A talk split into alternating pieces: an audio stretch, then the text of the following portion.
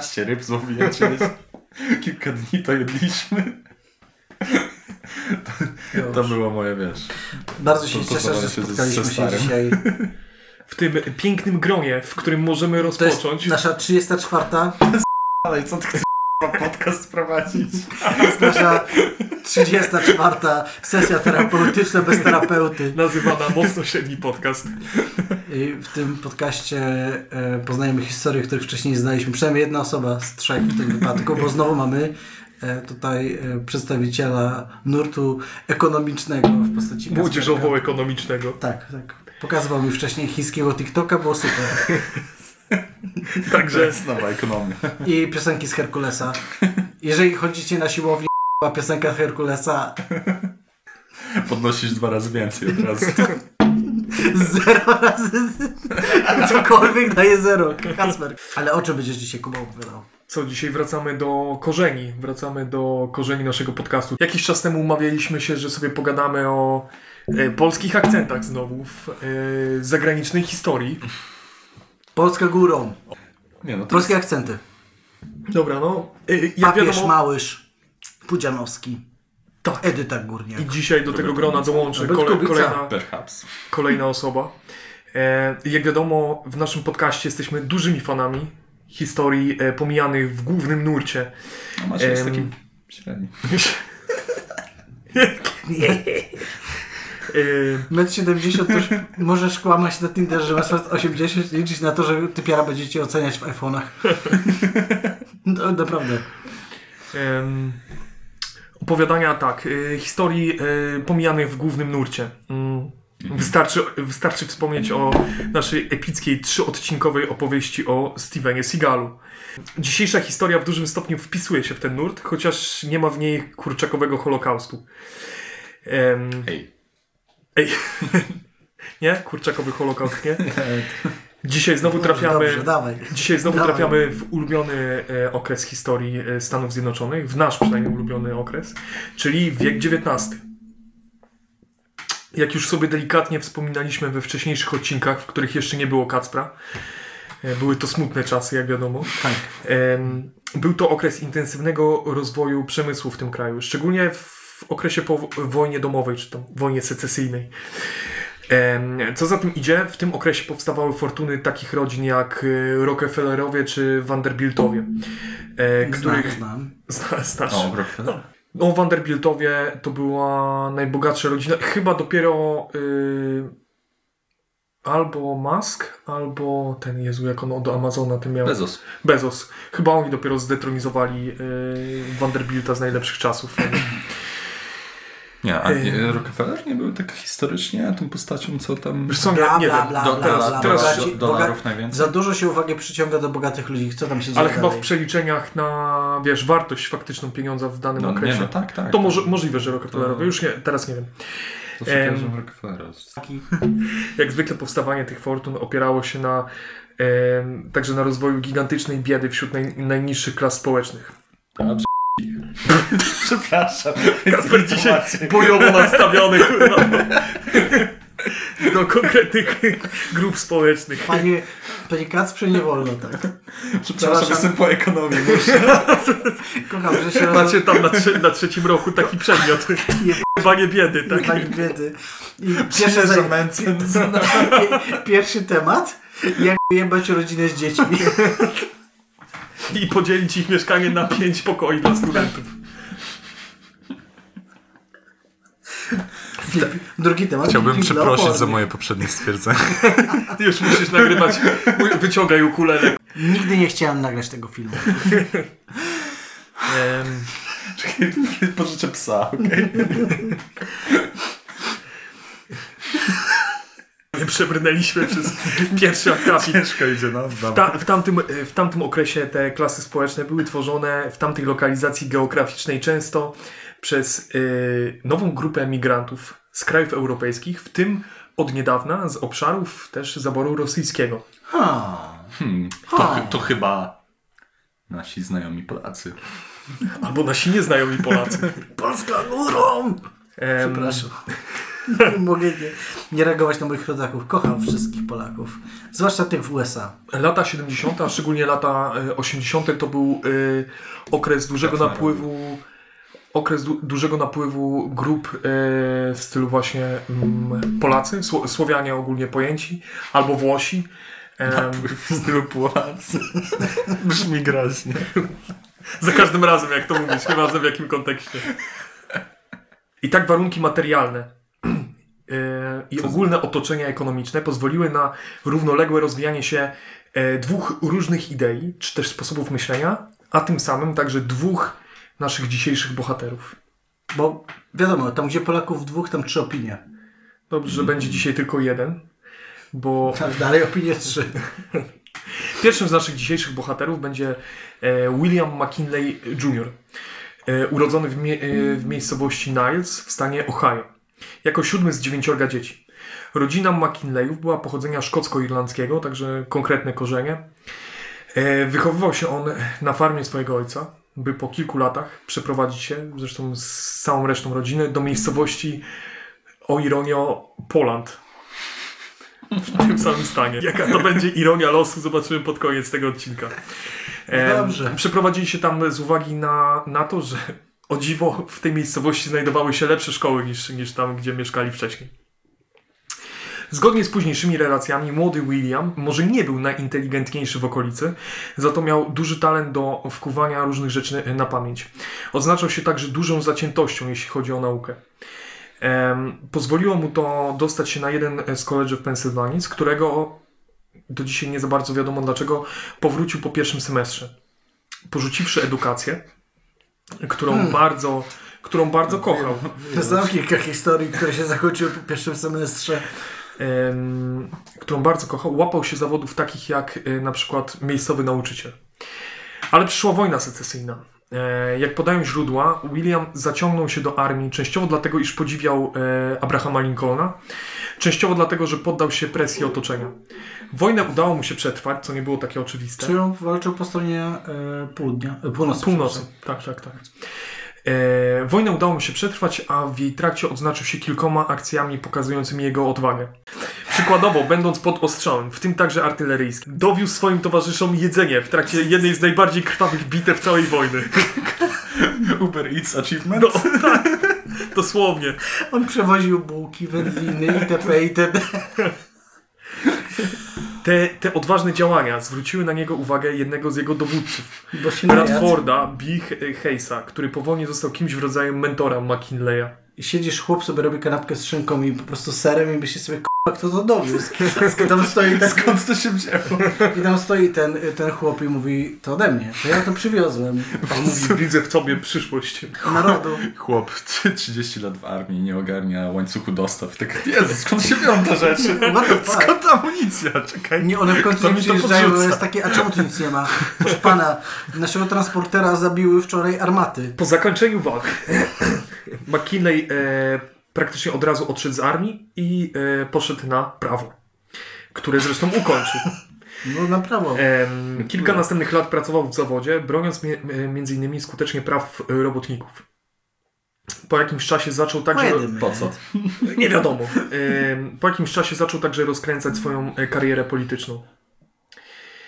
E, Jako osoba, którą można określić mianem self-made mana, e, był oczywiście wielkim orędownikiem amerykańskiej przedsiębiorczości i rozwoju przemysłu. Jak mój podręcznik do y, przedsiębiorczości z liceum. Z nowej ery. W czasach gigantyczne, gigantycznego rozwoju kolei, która pociągała za sobą rozwój innych gałęzi gospodarki, ciężko było oprzeć się wrażeniu, że oto kraj wchodzi w nową erę rozwoju, a co za tym idzie dobrobytu.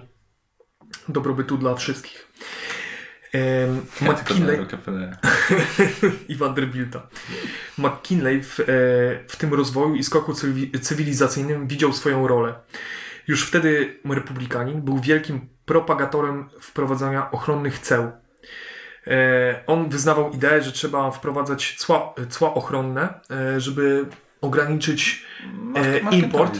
Tak, tak, tak, żeby ograniczyć import, żeby pozwolić m, e, lokalnym firmom e, rozwijać się Stara znana metoda. E, importujesz tylko i wyłącznie e, surowe surowce e, do przetworzenia, a eksportujesz przetworzone produkty, zbijesz na tym marże. O, ja tak robię w Minecraft. I tak mniej więcej było, bo e, To, to jest... propagował na przykład Z- Znaczy, no to, na dłuższą metę nie, ale jeśli zależy ci tylko na dobrobycie twojego, twojego państwa, a nie na globalnej gospodarce i bo to się może jebać oczywiście, więc jakby... Wiele razy się to wyjebało, ale czasami to na krótką metę działało, tak? E, No dobra, ale wróćmy do naszego e, McKinleya. E, Jeżeli chodzi o politykę zagraniczną, co będzie później e, dosyć istotną rzeczą. Czekaj, McKinley? Tak. McKinley, jeśli chodzi o politykę zagraniczną, był dużym zwolennikiem ekspansji i włączania nowych terytoriów w obręb e, USA. Jego gwiazda nabierała coraz większego blasku. I w ten sposób dostrzegł go przedsiębiorca i republikanin Mark Hanna. Kto, e, był kimś, kogo dzisiaj nazwalibyśmy politycznym fikserem. Czyli nie obchodziło go zdobywanie e, czołowych Jak coś Stanowisk, idzie źle, to, się mówi tak naprawdę szara eminencja. No, szara eminencja. Tak, tak jest przetłumaczone w cyberpunku, więc więc to musi być prawda. w cybergówniarzu, więc... Cybergów. Cybergnoju. Cybermycha. E, Hanna najpierw pomógł McKinleyowi wygrzebać się z długów, które wynikały ze zbyt dużego zaufania wobec przyjaciół. E, po prostu Ja chodziło, takie długi. chodziło o to, że, o to, że e, podżyrował, czy też e, jakby, e, jak to się mówi, że mówisz, że ktoś na pewno spłaci e, dług. Czyli Zaświadczasz. Zaświadczasz, o właśnie, Zaświadczasz, uciekło mi to słowo. Że jego przyjaciel na pewno spłaci pożyczkę, na pewno jej nie spłacił i w ten sposób i w ten sposób McKinley w ten sposób McKinley miał Ojej. 100 tysięcy dolarów do spłacenia. Czyli dzisiaj między 2,5 a 3 miliony dolarów. Pewnie zastanawiacie się, jak e, naszemu e, dzisiejszemu bohaterowi udało się spłacić tak duży dług w tak To jest krótkim czasie. absurdalnie duży dług dla mnie. I tutaj się pojawia Hanna, e, który, między, e, który dzięki swoim kontaktom, między innymi e, z takimi em, tuzami swoich czasów, jak e, Pullman od zakładów Pullmana, Carnegie Steel e, czy i Illinois Steel Company, e, uzbierał całą, praktycznie całą kwotę, którą e, McKinley musiał spłacić. Co już trochę wprowadza takie... Pullman, Pullman miał dzisiaj ziomków. nic nie mówią. Te, Miał ziomków w przemyśle ciężkim po tak, no. Pullman, Pullman to były kiedyś największe zakłady, jeden z najbogatszych oczywiście ludzi na świecie. Kiedyś sobie pogadamy o zakładach Pullmana, bo to jest taki jakby... Dużo dzisiaj widać pewnych rzeczy, które Pullman sobie wtedy wymyślał, że niektórzy z dzisiejszych bogaczy sobie do tego wracają. Pullman założył firmę produkującą e, wagony i po jakimś czasie, bo wiadomo, wtedy kolej to było zupełnie co innego, No tak. e, zaczęli produkować te ekskluzywne, e, najbardziej ekskluzywne wagony dla najbogatszych. Ale takie jak się ogląda na przykład e, Te takie restaura- morderstwo Tak. w Orient Expressie. Dokładnie. Tam, albo reklamy Tarczyńskich. Są Jedno albo dwie treści. Dwie. Dwie treści medialne, w których są zaprezentowane tego typu. No tak, no przepraszam. Nie, ale wtedy, wtedy kolej w ogóle była duża. No przecież Rockefeller też e, zrobił hajs tak naprawdę na tym, że. Miał wtyki w kolei i zaczął blokować i wykorzystywać pozycję monopolisty. O tym sobie jeszcze dzisiaj w dzisiejszym odcinku trochę powiemy, także dobrze, że, że jesteś taki ogarnięty w tym temacie. Ogólnie kończąc, Dziękuję. og, To ogólnie jest kończąc, niesamowite, że ja zaraz, mnie tu zaraz nie będzie. ogólnie kończąc temat, ogólnie kończąc temat zakładów Pullmana, Pullman, y, Pullman był znany koniec końców najbardziej z dwóch rzeczy.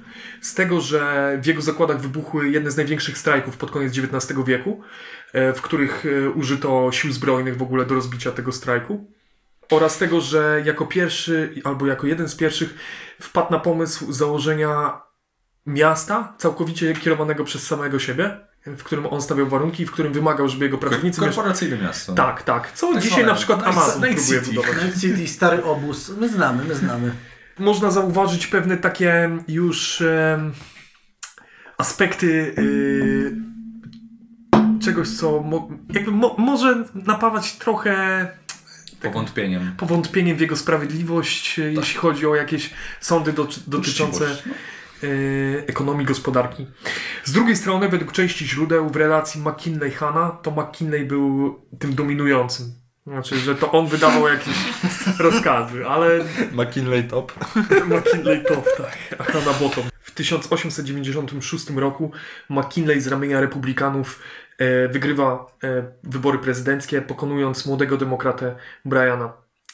To bardzo szybko przeskoczyliśmy. Skończył, Tak. skończył studia i. Nie wybrał- no, bo to Tak to działa. jakby nie ma, nie, ma tu, nie ma tu się co zagłębiać w jego działalność pomiędzy tam Barack 70, Osama. 77 r- rok, kiedy on zdobywa e, pierwszy raz e, miejsce w, w kongresie, a 90 tam trzeci, e, szósty, kiedy poznaje właśnie tych Ucz, wszystkich... uczciwie prowadził karierę polityczną. Mniej rozumiem. więcej, wiadomo. Bardzo.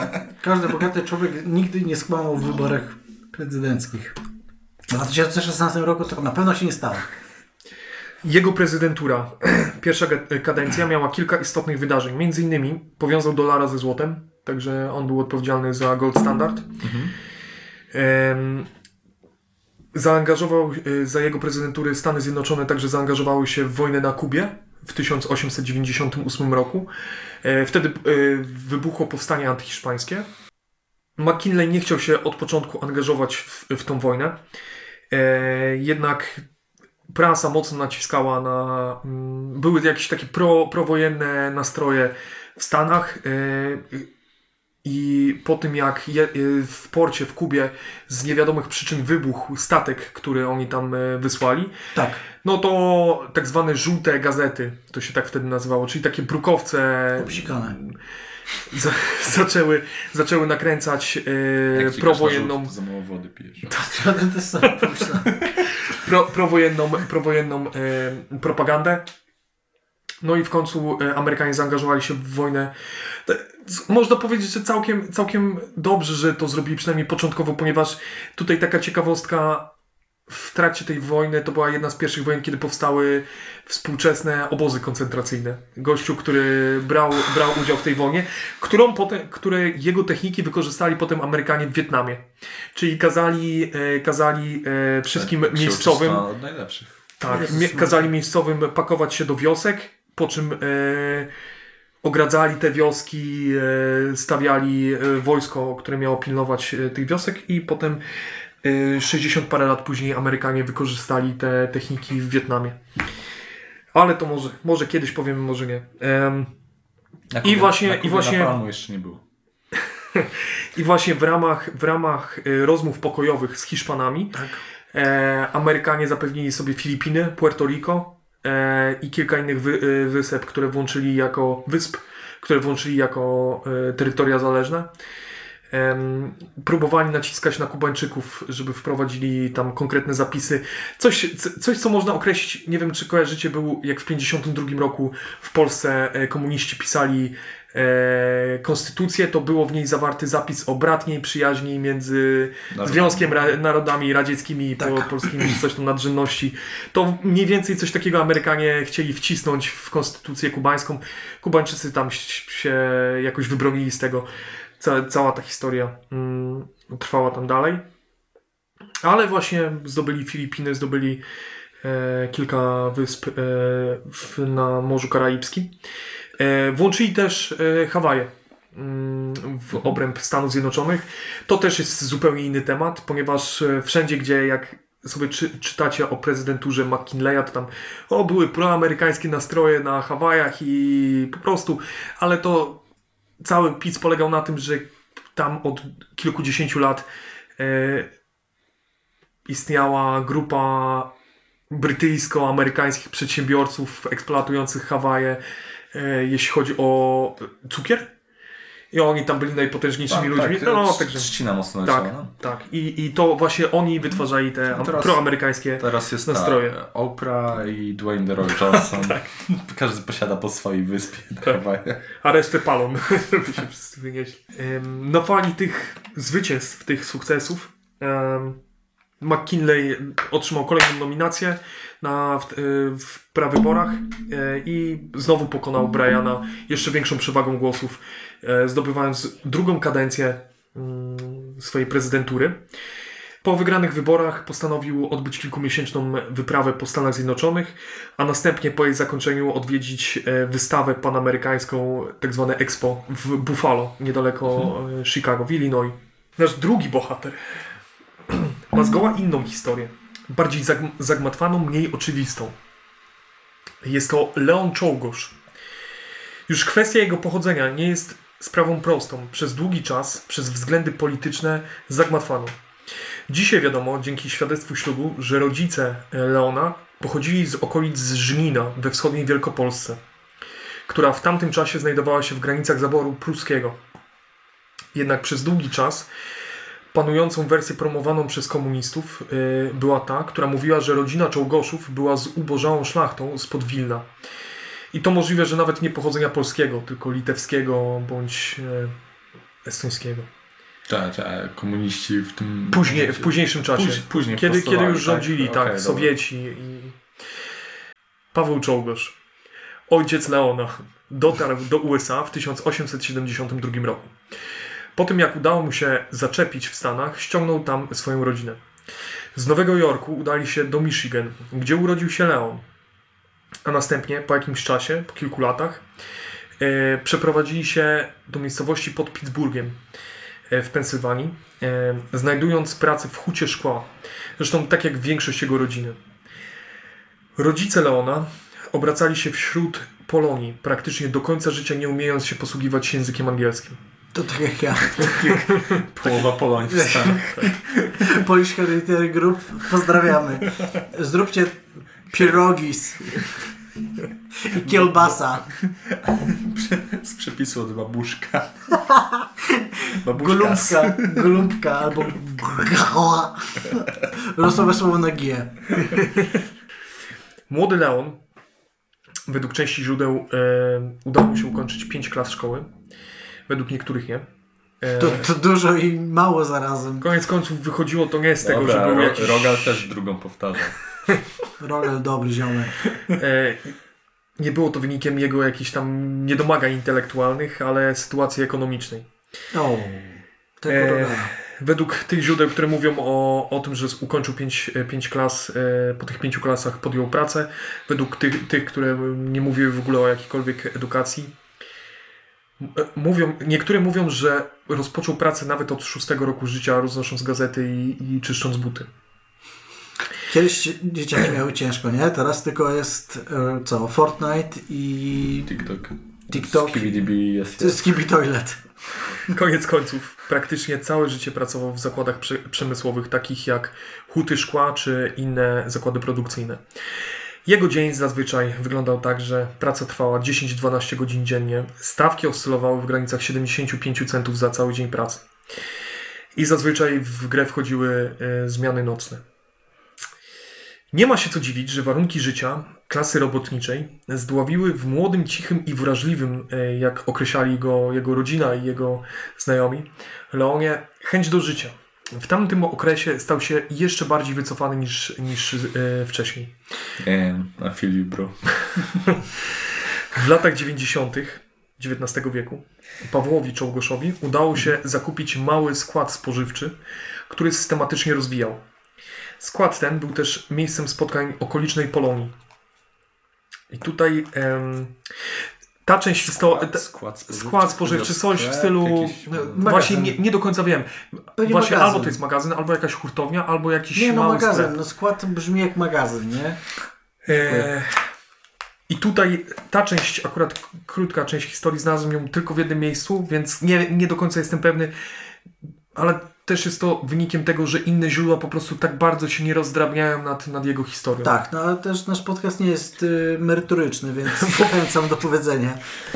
Em, ale no, według tego jednego źródła e, s- ten skład był też miejscem spotkań okolicznej Polonii, czyli po prostu Polacy z okolic spotykali się też w, w tym miejscu. To jest bardzo charakterystyczne dla Polaków, że się spotykają w Na magazynie. miejscu. Na magazynie. E, Leon w, w tym towarzystwie sp- spotkał m.in. anarchizującego tapicera Antona Zwolińskiego. To jest k***a moja ulubiona klasa postaci, nie? Gdzie że wybierasz na, na, na pierwszej, masz ten kreator postaci i wiesz, w poglądy wybierasz anarchizujący, a w, w, tam jest Pod, specjalizacja- podklasa. podklasa, tapicer. No. Prowadził on koło samokształcenia, do którego należało kilku innych anarchistów.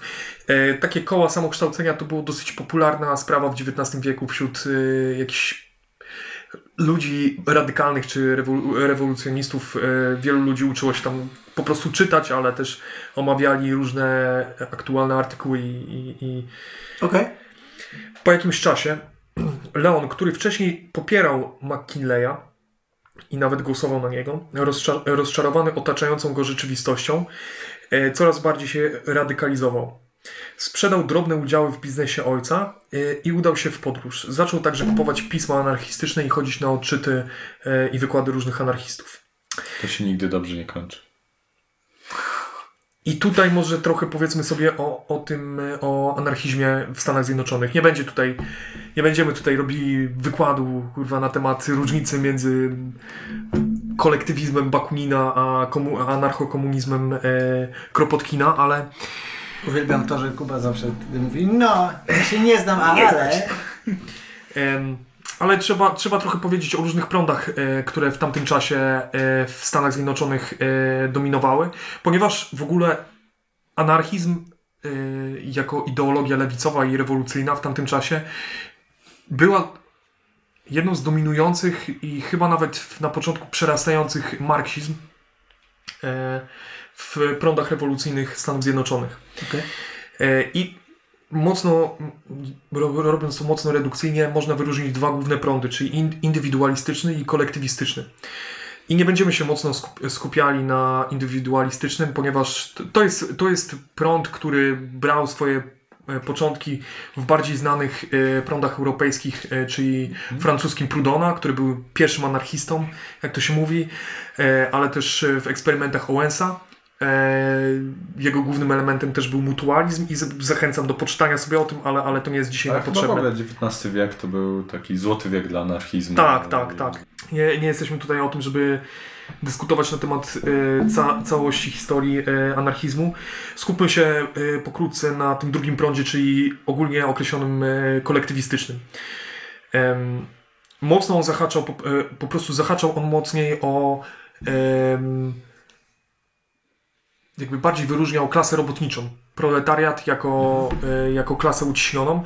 E, anarchizm indywidualistyczny ba- bardziej, e, jakby bardziej się zaczepiał w mm, środowiskach jakichś takich rzemieślników, jakichś takich samozatrudnionych ludzi, którzy po prostu... Prywaciarzy. To prywaciarzy w jest skrócie. śmieszne. W, skrócie prywaciarzy. Nie? Jak, że, że to jest tak blisko prywaciarzy, nie?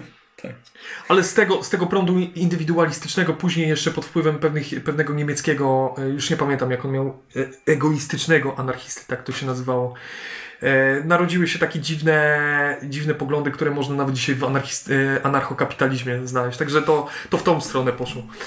Anarchizm kolektywistyczny zakładał po prostu potrzebę wzniecenia rewolucji na rzecz proletariatu czy klasy robotniczej.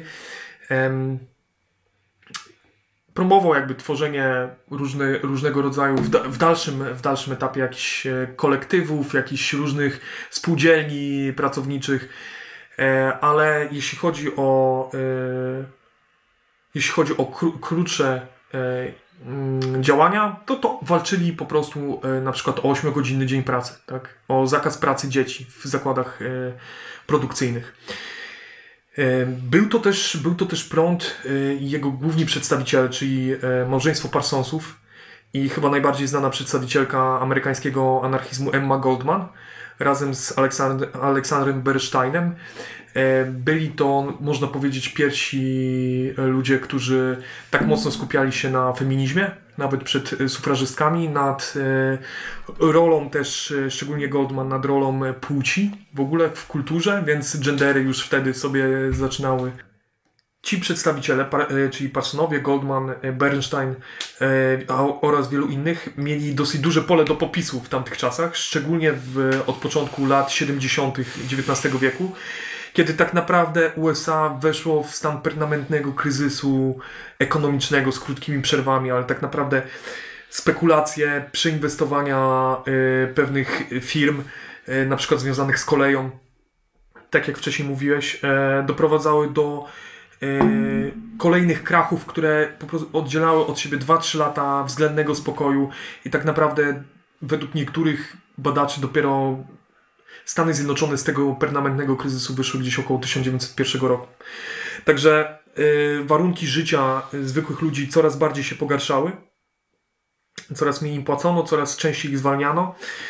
Ym, no i anarchizm w e, Stanach, takie swój główny, główne można powiedzieć wydarzenie, mm, które jest kojarzone z, z tamtymi czasami, to jest e, to są wydarzenia na Haymarket e, w 1886 w Chicago, kiedy to pomiędzy 26 kwietnia a 4 maja e, za sprawą e, głównie małżeństwa Parsonsów dochodziło do strajków i protestów, w których brało udział od 80 do nawet 350 tysięcy ludzi. Protestowali z hasłami zdobycia 8-godzinnego dnia pracy. Po prostu nie nic więcej, nic mniej. Bardzo dużo zakresu ludzi, nie? Tak. Ja, ja wiem, że to też jest bardzo trudno oszacować, ile osób brało udział w, w, Tak. w takich protestach, bo też Ale- ale dzisiaj... są Jakby t- teraz są problemy z Teraz są problemy, bo konflikty, wiesz, to się staje polityczne, polityczne to... Wiesz, e, w, w teraz jak były, e, no chociażby Marsz No, Miliona w Serc, Warszawie, peowski, tak, no to były historie, że było kilkadziesiąt tysięcy od strony rządowej i I, I milion, I milion od od strony opozycji. no. opozycyjno, opozycyjnych. Wracając do, wracając do Haymarket, to jest też kolejny rozległy temat. Em, Wszystkie, wszystkie, wszystkie konspiracje, wszystkie teorie konspiracyjne i tak dalej związane z tym, które są dosyć bardzo prawdopodobne, ponieważ tego typu rzeczy zdarzały się, ale koniec końców e, 4 maja, podczas jednego z największych wtedy protestów, e, policja, jak to policja w tamtych czasach, ruszyła na protestujących Okej. i w tym momencie ktoś z tłumu rzucił bombą w policjantów, zabijając jednego policjanta na miejscu,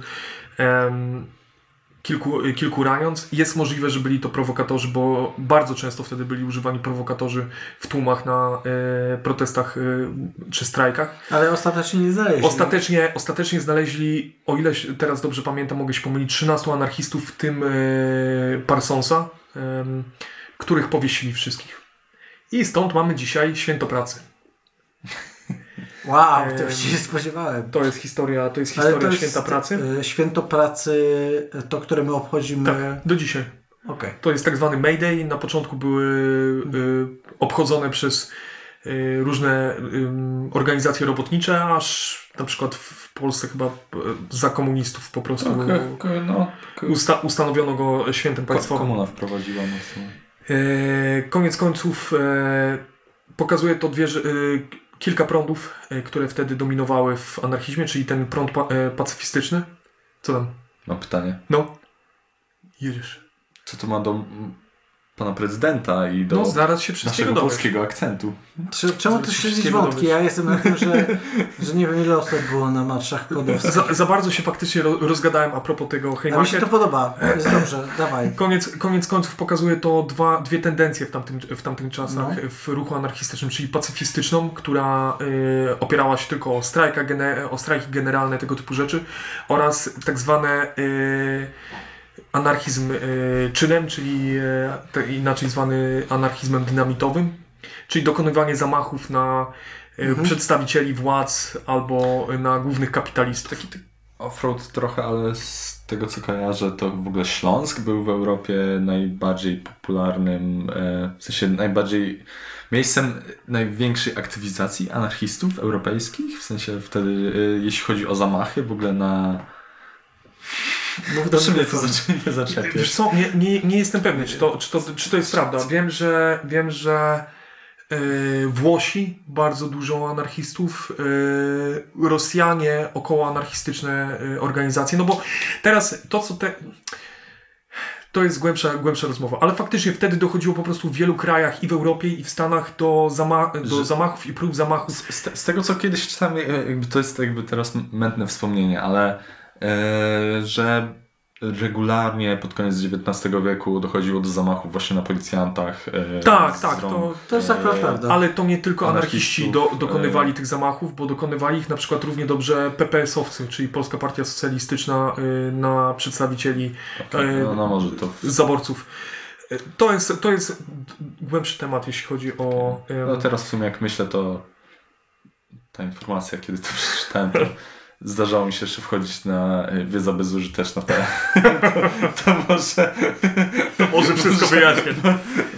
Koniec końców dokonywanie zamachów e, wśród anarchistów i innych radykałów e, było wtedy dosyć popularne. Co w, e, pokazuje na przykład zabójstwo króla Włoch Umberto I w 1900 roku. Jak się później okazało, nasz Czołgosz był wielkim fanem zamachowca i ca całego zamachu, e, ponieważ cały czas nosił ze sobą wycinek e, z gazety mówiący o, o właśnie opowiadający o tym zamachu.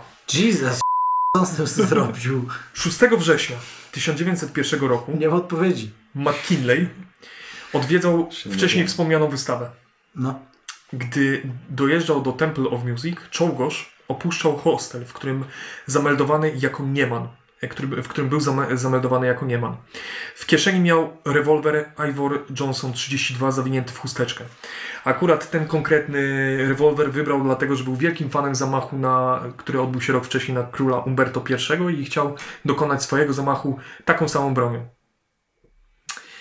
Po odsłuchaniu koncertu na sali e, Temple of Music e, wpuszczono ludzi czekających, żeby, e, którzy czekali, żeby zobaczyć prezydenta Stanów.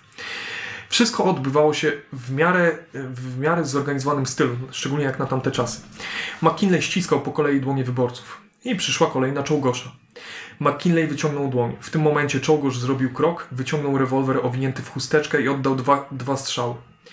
Pierwszy trafił w metalowy guzik, jednak drugi osiągnął cel. McKinley powiedział tylko: Chyba zostałem postrzelony i padł. Na Czołgosza rzucili się ludzie stojący dookoła. Rozpoczął się regularny lincz. Jeden z postronnych próbował poderżnąć mu gardło. Jednak służby y, odgoniły tłum. E, jak to powiedział później e, Czołgosz e, zaraz po zatrzymaniu, McKinley jeździł po kraju, krzyco, krzycząc o dobrobycie, gdy go nie było, gdy nie było dobrobytu dla biednego człowieka. Nie wierzę w republikańską formę rządu i nie sądzę, że, powi- żebyśmy, że powinniśmy mieć rządzących. Zabijać ich jest dobrze. Początkowo McKinley dobrze rokował i zakładano, że wyzdrowieje. Jednak w wyniku złego przeczyszczenia rany nabawił się gangreny i zmarł po 8 dniach w dużych męczarniach. W ramach, w, w ramach dochodzenia oczywiście odkryto liczne pisma anarchistyczne e, u Czołgosza. Dlatego zaczęła się gigantyczna nagonka na e, anarchistów e, w Stanach Zjednoczonych. E, jak przyznał Czołgosz, jego głównym motywem em, czy zachętą do zamachu na McKinleya było przemówienie Emmy Goldman, którego odsłuchał. Dlatego postanowiono zaaresztować Goldman. Mm. No i oczy, oczywiście zaraz po zamachu zaczęła się jak to zwykle nagonka w prasie. Wszyscy mieli 50 różnych pomysłów, dlaczego, dlaczego Czołgosz dokonał zamachu. Bo był chory na umyśle, bo e, poddał się propagandzie e, czerwonych, jak to, jak to wtedy mówiono. Emma Goldman po aresztowaniu podała swój powód, e, który wydawał jej się mm, bardzo prawdopodobny. Tu też cytat. Nie wiem na pewno, ale wydaje mi się, że Czołgosz był jednym z tych uciskanych ludzi, którzy widzą całe nieszczęście, które bogaci wyrządzają słabym. Którzy o tym myślą, którzy się nad tym zastanawiają, a potem w rozpaczy postanawiają zadać cios, jakim się wydaje, dla dobra ich towarzyszy. Być może Czołgosz był inspirowany przeze mnie, ale jeśli tak, to źle mnie zrozumiał. Sisz? Działa się. Po proces Czołgosza był krótki, e, trwał dwa dni. E, O, za to- zabójstwo. No to uczciwy proces. Tak. E, ogólnie, ogólnie proces był bardzo uczciwy. Całe, całe jego zatrzymanie, całe jego przytrzymywanie. Nie przez ileś dni nie miał dostępu w ogóle do Do prawnika, internetu. do internetu. Nie Do prawnika. na Zaraz, eksów. zaraz po, zaraz po aresztowaniu wymyślono e, pewną teorię konspiracyjną, że Czołgosz jest elementem większej e, Układanki. większej układanki em, i pomimo tego, że Czołgosz w ogóle nie, jego zeznania nie wskazywały na to i nawet próbowano go podejść, jak policja, wiecie, jak policja czasami potrafi być sprytna. Więc po kilku dniach wpuszczono do jego celi hydraulika, który miał coś naprawić i Tak. w czasie wizyty w jego celi, w której coś naprawiał, powiedział też jestem anarchistą i uważam, że dobrze, że zrobiłeś to, co zrobiłeś, tylko powiedz, co mamy robić dalej. E, Koniec końców e, Czołgosz został skazany na krzesło elektryczne. E, Był 50. e, osobą, która została skazana na, na, tą, na śmierć w ten sposób. Szokująca informacja. Po wykonaniu wyroku.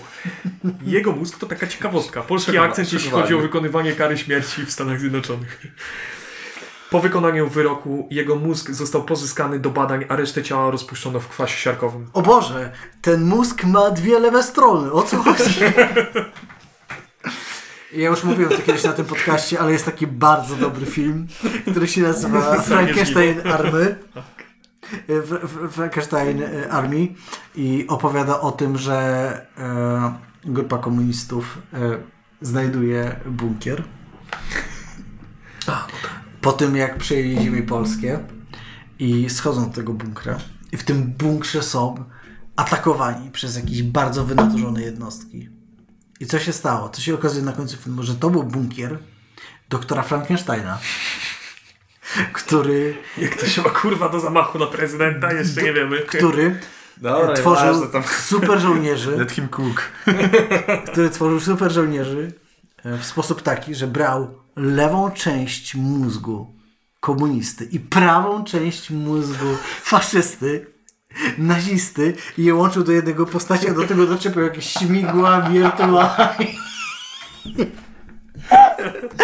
Piękny chodzenie. Ale to jest śmieszne, bo ty się śmiejesz z tego filmu, ale motywy z tego filmu zostały za, zaprzęgnięte do Resident Evil 8 Village. I Dobra, e, to co? Dziękujemy za uwagę. Był to odcinek Wow. o Polaku, który zabił amerykańskiego prezydenta. chciałem tylko powiedzieć, że była wspaniała historia. Dziękuję Kuba. Liczę na to, że y, jeszcze przedstawisz nam takich przynajmniej z 10. Już wyciągam z rękawa. 10 Polaków, którzy zabili. Top 10 Polaków, którzy zabili prezydentów. Numer 10, Czołgosz. Czy wiedzieliście, że Czołgosz wyjechał do Stanów Zjednoczonych i zabił prezydenta? Jego Mało kto, mało kto wie, ale jego mózg został wykorzystany. Dziękujemy za uwagę i do widzenia.